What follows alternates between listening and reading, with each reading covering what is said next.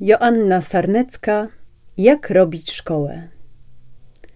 W Muzeum Sztuki Nowoczesnej trwa wystawa Jak robić szkołę. Jej kurator i twórcy muzealnej przestrzeni zajęli się zarówno szkolnym budownictwem, jak i kształtowaniem się idei. Obie te rzeczywistości architektoniczna, materialna i ta ideowa są bowiem ze sobą ściśle powiązane. Wystawa nie ma jednego kierunku zwiedzania. Każdy może przejść ją po swojemu.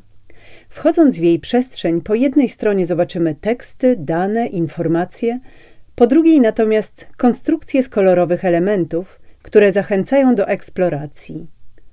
Czy nie jest to podobny wybór, przed jakim stajemy, pracując w szkole czy tworząc przestrzenie edukacji? Każdy ma inne potrzeby w szkole i na wystawie stworzenie sytuacji wyboru, informacje, czy może edukacja przez działanie i zabawę, daje odwiedzającym wystawę możliwość nie tylko zapoznania się z treścią, ale także poznania siebie, swoich poznawczych preferencji i doświadczenia na sobie kluczowych z perspektywy edukacji problemów. Czyli wracamy do szkoły. Od izby szkolnej do innowacyjnych projektów. Szkoła i powszechna edukacja to wbrew pozorom nowe zjawisko w Polsce. Jeszcze w XIX wieku edukacja była przywilejem wyższych warstw. Tylko bogatych stać było na kształcenie dzieci. Dopiero nowe idee społeczne oraz zniesienie pańszczyzny zmobilizowały ówczesnych decydentów do przemyślenia na nowo tego, czym jest edukacja i jakie jest jej zadanie, także z perspektywy całej społeczności. Znamy to wszyscy z pozytywistycznych lektur. Praca u podstaw, organiczna, miała wyrównać szanse i dać możliwość zmiany statusu, zdobycia lepszej pracy, wzmocnienia swojego miejsca w społecznej drabinie. Oczywiście długo te cele pozostawały w zasadzie w sferze idei. Siedmioklasowe szkoły mieściły się w małych, ciasnych chatach. Jednoizbowa klasa gromadziła wszystkich uczniów, bez względu na wiek. Zdarzało się w związku z tym, że powielokroć przerabiało się tę samą klasę i niekoniecznie była okazja, by poznać cały materiał przewidziany na 7 lat edukacji. Co robić? Realia małych wiejskich szkół były trudne. Niemniej samo ich istnienie stanowiło już kolosalne osiągnięcie. Szkoła w tym czasie edukowała nie tylko przekazując dzieciom wiedzę. Dbała o ich dobrostan, dożywiała, ogrzewała w zimowe, śnieżne dni. Pojawienie się szkoły było cywilizacyjną zmianą, a może przejawem tej zmiany, która dokonała się na poziomie mentalności i zbiorowych wyobrażeń. Na wystawie zobaczymy też zdjęcia nagrodzonych niedawno w konkursie Dobrze zaprojektowana szkoła budynków. Innowacyjne formy nie kojarzą się z tradycyjną szkołą. Świadomie dobrane kształty i kolory raczej pobudzają kreatywność, kierują myśli w stronę natury, albo tworzą przestrzeń do współdziałania i włączania osób z różnymi potrzebami. W dużych miastach działają już takie dobrze zaprojektowane szkoły. Wciąż jednak w wielu miejscowościach dzieci uczą się w przestrzeniach brzydkich, raczej przypominających szpitale niż miejsca, gdzie kwitnie kreatywność i współpraca. Nadal przywilejem jest nie tylko estetyka, ale i dostępność. Tysiąclatki na szkolny boom. Po II wojnie światowej struktura społeczna się zmienia. Trwa masowa migracja do miast, rozwija się przemysł jest nas coraz więcej i wiemy już, że edukacja to lepsza przyszłość dla naszych dzieci. W efekcie przemian społecznych zmienia się także szkoła. Nagle potrzebnych jest wiele budynków. Tworzone są nowe osiedla, ludzi przybywa. Nie da się już budować szkół tak jak dawniej. Trzeba to robić szybciej, na masową skalę. Wówczas pojawia się budownictwo z prefabrykatów.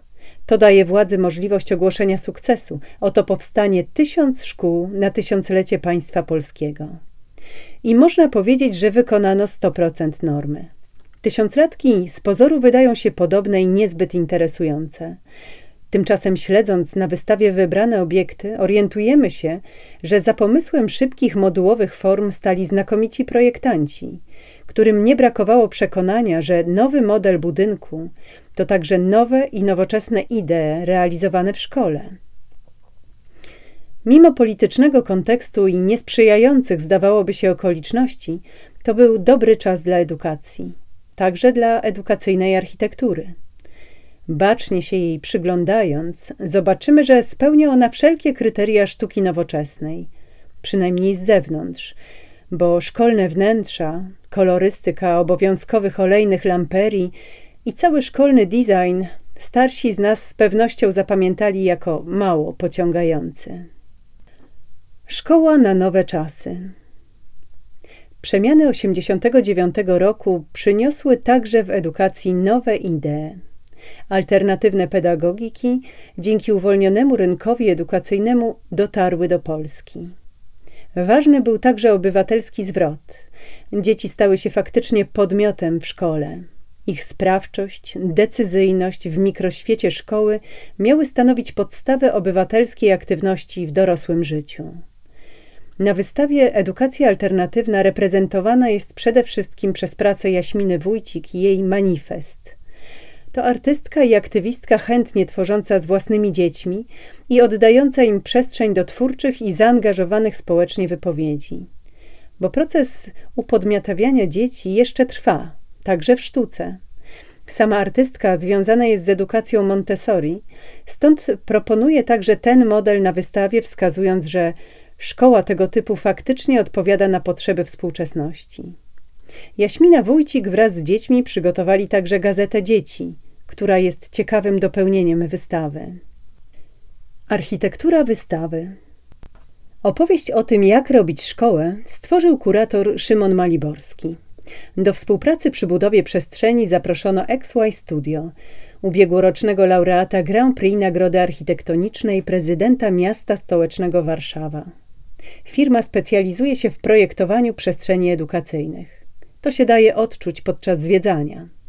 Zanurzamy się w edukującą nienachalnie przestrzeń, wybieramy, decydujemy, doświadczamy i szukamy informacji. To bardzo spójny pomysł. Wystawa, która odbywa się w Muzeum Sztuki Nowoczesnej w ramach festiwalu Warszawa w budowie, z pewnością zainteresuje ludzi z edukacją związanych, także rodziców i dzieci. Dziś, kiedy toczy się dyskusja o kształcie edukacji w Polsce, to ważny głos, a raczej przestrzeń do refleksji nad rozwojem tego zjawiska, nad relacjami między edukacją a ideą i systemem wartości.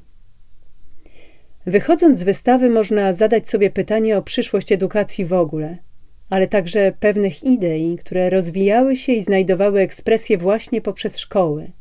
Idei będących wielkim osiągnięciem cywilizacyjnych, jak powszechność edukacji i jej wzrastająca dostępność, wyrównywanie szans nie tylko edukacyjnych, ale także bytowych dzieci.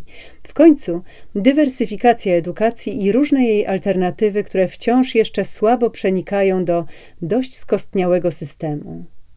To unikatowa sytuacja, że muzeum bierze na warsztat temat tak zdawałoby się mało związany ze sztuką. Muzeum Sztuki Nowoczesnej to jednak instytucja zdecydowanie nieobojętna na to, co społeczne. Szkoła to budynki, ale szkoła to przede wszystkim ludzie.